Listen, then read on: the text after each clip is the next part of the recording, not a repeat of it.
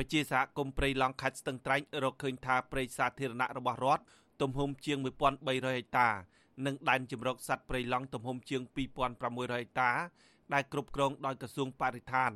បានទទួលរងនឹងការទន្ទ្រានឈូសឆាយកាន់កាប់ជាទ្រព្យសម្បត្តិបុគ្គលនិងលក់ដូរបែបអនាធិបតេយ្យអស់រយៈពេល3ឆ្នាំចុងក្រោយនេះ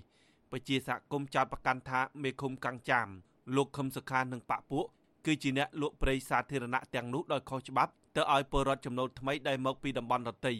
ពួកគេទៅទូចដល់អាជ្ញាធរខេត្តស្ទឹងត្រែងនិងរដ្ឋាភិបាលស៊ើបអង្កេតករណីនេះដោយឯករាជ្យនិងអនុវត្តច្បាប់ទៅលើក្រុមអាជ្ញាធរទាំងនោះសមាជិកសហគមន៍ព្រៃឡង់ខេត្តស្ទឹងត្រែងលោកគង្រីឲ្យដឹងនៅថ្ងៃទី28មករាថាពួកគាត់បានដាក់ពាក្យបណ្ដឹង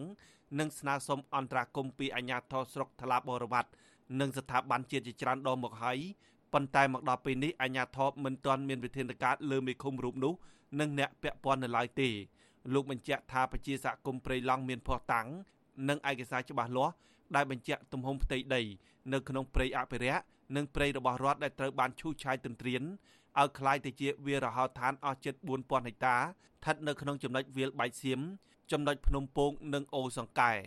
រំពោដល់រាជរដ្ឋាភិបាលគឺសូមឲ្យមានចំណាត់ការដល់អាជ្ញាធរមេឃុំពិសេសមេឃុំដែលមានពាក់ព័ន្ធហើយនឹងមេប៉ុស្តិ៍នឹងតែគាត់កាប់ទន្ទ្រានយកដីរដ្ឋលក់នឹងគឺសូមឲ្យគាត់ផ្ដំទៅទោសទៅតាមច្បាប់យកកុំឲ្យអ្នកក្រោយក្រោយនឹងរៀនសូត្រតាមគំរូតាមបកគាត់អាក្រក់អញ្ចឹងជាបរដ្ឋនឹងដាក់ពាក្យច្រើនអាបាខេត្តគាត់ដឹងអីក៏អត់គាត់ដឹងទាំងអស់ហើយគាត់លើកឡើងនៅវេទិកាសេរីប្រជាពលរដ្ឋថ្នាក់យំស្រែកចិន្ទិលនឹងមុខអាបាខេត្តក៏មានដែរមុខអាបាស្រុកក៏មានដែរតែគាត់ធ្វើមិនដឹងធ្វើមិនលឺ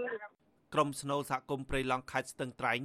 លោកខេងខោឲ្យដឹងថាមេឃុំរូបនេះនិងអាជ្ញាធរពាក់ព័ន្ធបានចុះហត្ថលេខាផ្ទេរកម្មសិទ្ធិលក់ដីព្រៃសាធារណៈរបស់រដ្ឋនិងព្រៃអភិរក្សឲ្យពលរដ្ឋចំណូលថ្មីអស់រាប់ពាន់ហិកតា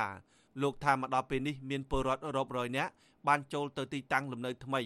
នៅលើដីដែលអាជ្ញាធរមូលដ្ឋានលក់ឲ្យពួកគេ ដាក់ពាក្យបន្តឲ្យឃើញមានចំណាត់ការចុះទៅជិបស្កាត់អីទេហើយនៅតែកាត់បន្តនៅតែកាត់បន្តបន្តរហូតនៅតែឈូសឆាយបន្តបន្តទេលោកគ្រូបាទអត់ទាន់មានកិច្ចអន្តរាគមន៍ស្ថាប័នណាមួយទេក្នុងនោះនឹងអដីបូកជាមួយនឹងដីវៃឡង់ផងហើយក៏នឹងដីសម្ពាធគុំកិច្ចបងយើងរួមដល់ដីរដ្ឋហ្មង3989ហិកតា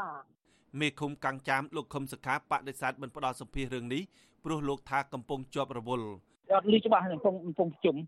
អាស៊ីសេរីបានព្យាយាមតាក់ទងអ្នកនាំពាក្យក្រសួងបរិស្ថានលោកឌៀតភក្ត្រាតាមទូរស័ព្ទនិងតាមបណ្ដាញសង្គម Signal ក៏ប៉ុន្តែពុំមានការឆ្លើយតបទេនៅថ្ងៃទី28មករាចំណែកអ្នកនាំពាក្យសាលាខេត្តស្ទឹងត្រែងលោកម៉ាញ់គុណវិញមានប្រសាសន៍ថាអាជ្ញាធរខេត្តមិនទាន់ឃើញរបាយការណ៍ពីមន្ត្រីមូលដ្ឋានណាមួយដែលរាយការណ៍ពាក់ព័ន្ធករណីនេះនៅឡើយទេអាជ្ញាធរខេត្តក៏មិនទាន់បានទទួលលិខិតសុំអន្តរាគមន៍ពីសហគមន៍ព្រៃឡង់នៅឡើយដែរ តែជាក់ស្ដែងគឺមកដល់ពេលនេះគឺបានបញ្ជាក់ហើយគឺរដ្ឋបាលយើងខ្ញុំបានឆៃតាំងរហូតគាត់ថាពុំតាន់មានទេពុំតាន់មានករណីអន្តរាគមដំណើរសំអន្តរាគមឬក៏របាយការណ៍ណាមួយពីសហគមន៍ព្រៃឡង់មកដល់ខេត្តមកដល់របស់ខេត្តនោះទោះជាយ៉ាងណាសមាជិកក្រុមប្រឹក្សាឃុំកាំងចាមលោកដនលូនប្រាប់អាស៊ីសេរីថាពិតជាមានសកម្មភាពកាត់ទន្ទ្រានដែនជម្រកសត្វព្រៃឡង់និងព្រៃសាធារណៈរបស់រដ្ឋអស់រាប់ពាន់ហិកតាពិតមែនលោកថាឯកសារអំពីដីដែលកាន់កាប់ទន្ទ្រានលក់ដូរនិងធ្វើប្លង់កម្មសិទ្ធិ ឲ្យប្រជាពលរដ្ឋចំណូលថ្មីមិនបានបង្ហាញសាធារណៈនោះទេមន្ត្រីសម្របសម្រួលសមាគមអាត់ហុកខេត្តស្ទឹងត្រែងលោកប៊ីវ៉ានីចាត់ទុកការខឹបខិតលក់ដីព្រៃរបស់រដ្ឋនិងព្រៃអភិរក្សគឺជាការខុសច្បាប់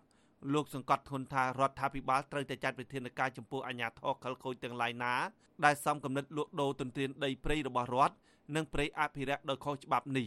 ខាងក្រសួងមហាផ្ទៃក៏ដូចជារដ្ឋាភិបាលមេត្តាចោះធ្វើការស៊ើបអង្កេតករណីនេះដើម្បីយកអ្នកដែលប្រព្រឹត្តខុសទៅនឹងច្បាប់នឹងយកទៅដាក់ទោសតាមផ្លូវច្បាប់ដើម្បីការពារនិងដកហូតដីព្រៃរបស់រដ្ឋទាំងអស់នឹងកាលពីឆ្នាំ2015សមាជិកក្រុមប្រឹក្សាឃុំកាំងចាមបានប្រជុំកំណត់តំបន់ភ្នំពងជាទីតាំងវិនិច្ឆ័យគោលដៅផ្ដាល់ដីសម្បត្តិសង្គមគិច្ចទំហំជាង8000ហិកតាជូនដល់ប្រជាពលរដ្ឋក្រីក្រផ្អែកតាមសំណើរបស់ប្រជាពលរដ្ឋមូលដ្ឋានជាង200គ្រួសារ ក៏ប៉ុន្តែប្រជាសហគមន៍ព្រៃឡង់និងសមាជិកក្រុមប្រឹក្សាឃុំកាំងចាមរាយការណ៍ថាប្រជាពលរដ្ឋនៅមូលដ្ឋានពុំទទួលបានផលប្រយោជន៍ពីគម្រោងផ្ដាល់ដីសម្បត្តិសង្គមគិច្ចនេះទេតែផ្ទុយទៅវិញអ្នកមានអំណាចនិងអាជ្ញាធរពាក់ព័ន្ធនៅក្នុងខេត្តស្ទឹងត្រែងខ្លះបានខົບខិតគ្នាលក់ដីព្រៃនិងធ្វើលិខិតកាន់កាប់ដីធ្លីឲ្យប្រជាពលរដ្ឋចំណូលថ្មីចូលទៅរស់នៅនិងបានឈូសឆាយពង្រីកផ្ទៃដីកសិកម្មដែលបំពេញចូលដែនជម្រកសត្វព្រៃឡង់អស់ជាង2000ហិកតា ខ្ញុំបាទហេងរស្មី អាស៊ីសេរីពីរដ្ឋធានី Washington